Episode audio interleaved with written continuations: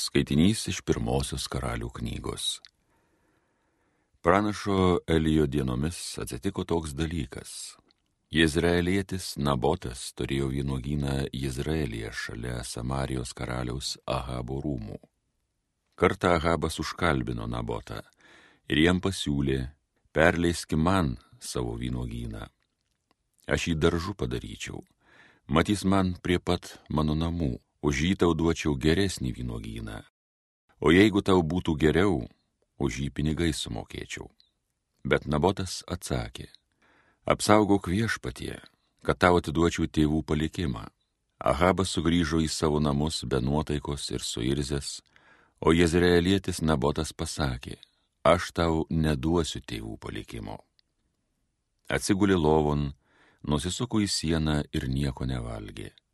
Jo žmona Izabelė įėjusi pas jį paklausė, kodėl tu be nuotaikos ir nieko nevalgai. Anas jai papasakojo, aš kalbinau Jezraelietį Nabotą, perleisk man savo vynugyną už pinigus, arba, jei tau būtų geriau, už jį aš tau duočiau kitą vynugyną. Bet jis man atsakė, aš tau neduosiu savo vynugyno. Tada jo žmona Izabelė jam tarė, tugi dabar Izraelio valdovas, tad kelkis, pavalgyk ir būk nuotaikingas.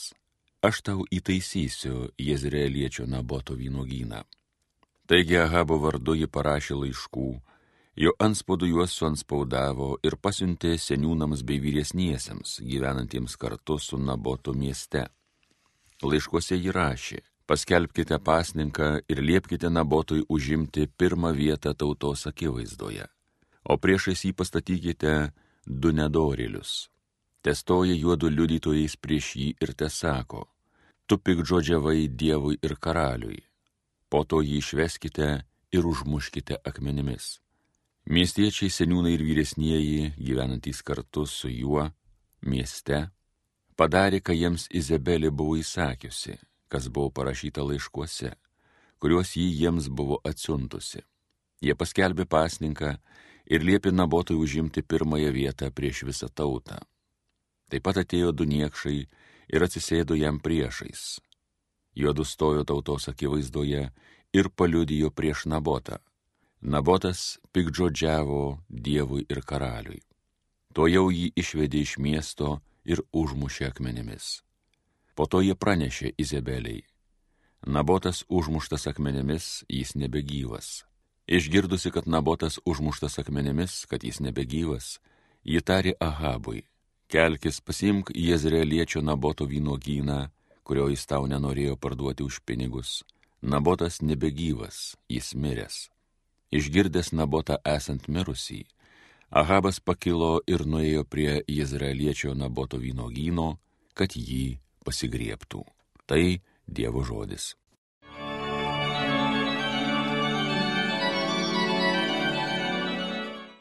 Supraski viešpatie mano dejonę, viešpatie tu mano žodį išgirski, supraski mano dejonę, jautrus būk maldo šauksmui, o mano valdove, o mano dieve. Supraski viešpatie mano dejonę. Tu netoks esi dieve, kuriam nedorybė patiktų. Nedorilis tau nesvečias. Akiplėša akivaizdui tavo stovėti negali. Tu nekenti visų darančių piktą supraski viešpatie mano dejonę. Melagiams pražūtį leidi, žudikai ir apgavikai viešpačiui koktus. Supraski viešpatie mano dejonę. Alleluja, alleluja, alleluja.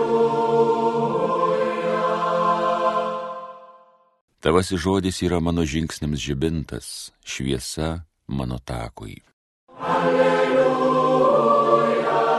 alleluja, alleluja. Iš Evangelijos pagal Matą. Jėzus bylojo savo mokiniams. Jūs esate girdėję, jog buvo pasakyta, akis už akį ir dantis už dantį.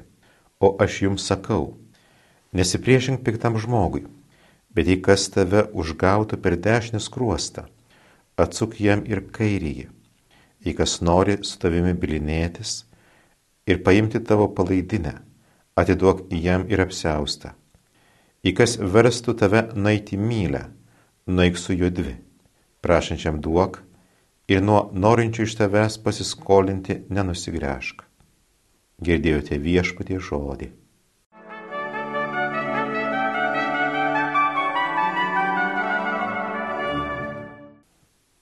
Girdėjom žinoma, bet taip pat ir labai sunkia vieta. Dabar kodėl sunki vieta?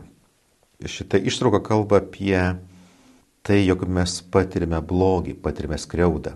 E, Jėzus čia sako, jei kas tave užgautų per dešinį skruostą, taigi kalbam apie mums daromą blogį, skriaudą, o kai patiriam blogį, skriaudą, mumise kyla pyktis, kuris veda į kerštą. O piktis yra aistra, su kuria žmonėms yra labai sunku tvarkytis.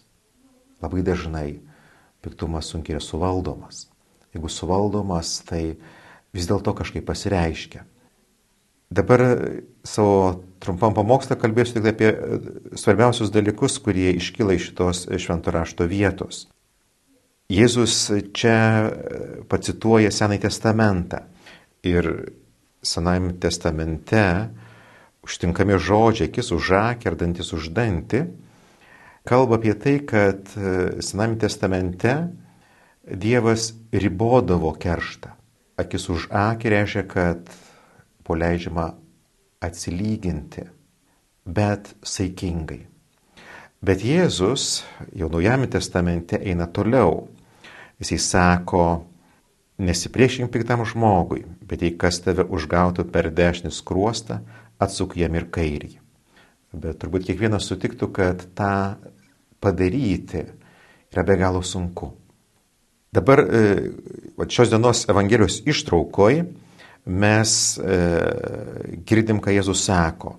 Tų žodžių nereikėtų e, suprasti po žodžiui, bet vis dėlto jie turi savo prasme. Jėzus sako, kad atsukitas kruostą, taip pat prideda į kas nori stambilinėtis ir paimti tavo palaidinę, atiduok jam ir apsiaus ir taip toliau. Bet jeigu skaitytume Evangeliją pagal matą toliau, ten atrastume priežastį, kodėl Jėzus taip sako. Ir noriu paskaityti tai, ko mes šios dienos ištraukoje negirdėjom, bet kas yra labai svarbu suprast Jėzus mintį. Jei mylite tik tuos, kurie jūs myli, tai kokį atlygį gausite? Argi taip nesielgia ir muitininkai? Ir jeigu sveikinate tik tai savo brolius, tai kuogi viršite kitus? Argi to nedaro ir pagonis? Taigi būkite tokie tobuli, kaip jūsų dangiškasis tėvas yra tobulas. Jeigu pažiūrėtume į savo patirtį, pastebėtume, kad pykti iki galo iš esmės suvaldyti mums padeda meilės gale. Jeigu turime kokį nors brangų mums žmogų, mylimą žmogų, jeigu jis ir padaro mums skriaudą, mes jam galime atleisti.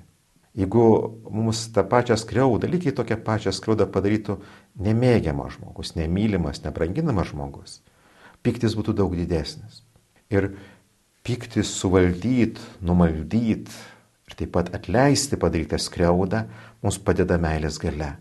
Ir nors Senajame testamente buvo pasakyta akis už akį ir dantis už dantį, ir tokiu būdu buvo nustatytas matas, saikas pikčių ir kerštui, taip pat matas teisingumo reikalavimui, tai e, Naujame testamente Jėzus eina toliau. Ir sakydamas, kad e, gyventi pagal tokį principą, akis užakidantis, uždantį gali ir muitininkai, ir pagonis, Jėzus nori pasakyti, jūs gavote daugiau negu pagonis. Jūs ypatingai iš Kristaus patyrėte ypatingą meilę. Ir kadangi patyrėte meilę, jūs galite duoti kitiems daugiau šitai žodžiais nesipriešink piktam žmogui, bet jei kas tave užgautų per dešinį skruostą, atsuk ir kairįjį, Jėzus iš tikrųjų mus moko padaryti gerą kitam žmogui. Viena vertus jis sako, jeigu patyrėjai žalą blogį ir tavai kyla piktumas, suvaldyk. Bet suvaldyti tu galėjai tik tais meilės gale. Ir iš manęs tu patiri meilę. Aš ant kryžiaus tau parodžiau savo meilę ir patyrę šitą meilę tu gali kitam irgi parodyti tą meilę, atleisdamas ir netgi darydamas gerą, kai tau buvo padaryta bloga. Dabar, kai šitą dalyką sakau, šitas mintis sakau, suprantu, kad šitie žodžiai ir taip pat Jėzaus žodžiai yra labai sunkiai gyvendinami. Bet šitame pamoksle aš norėjau atkreipti du svarbiausius dalykus. Šitą Evangelijos ištrauką kalba, kaip tvarkytis, kaip valdytis su pykčiu. Ir šitoj Evangelijos ištraukai ypatingai tos eilutėse, kurios seka toliau po šitos ištraukos, mes galim pamatyti. Jėzus nurodo kryptį. Iš Dievo esam patyrę ypatingą meilę ir būtent meilės gale mums duoda jėgų atleisti ir savo pyktį suvaldyti. Taigi, Senajame testamente buvo mokoma akis už akį, dantis už dantį, bet Naujajame testamente, kai mes patikėjome Kristaus meilę parodyti ant kryžiaus ir tą meilę, kurios galiai prisikėlė iš numirusių, mes pyktį galime suvaldyti, sutvarkyti, apvaldyti dėl to, kad esame patyrę meilę iš Kristaus. Tai lieka sunkiai gyvendinama, bet pats šaltinis, kaip suvaldyti pyktį, yra nurodytas būtent Kristaus meilėje. Amen.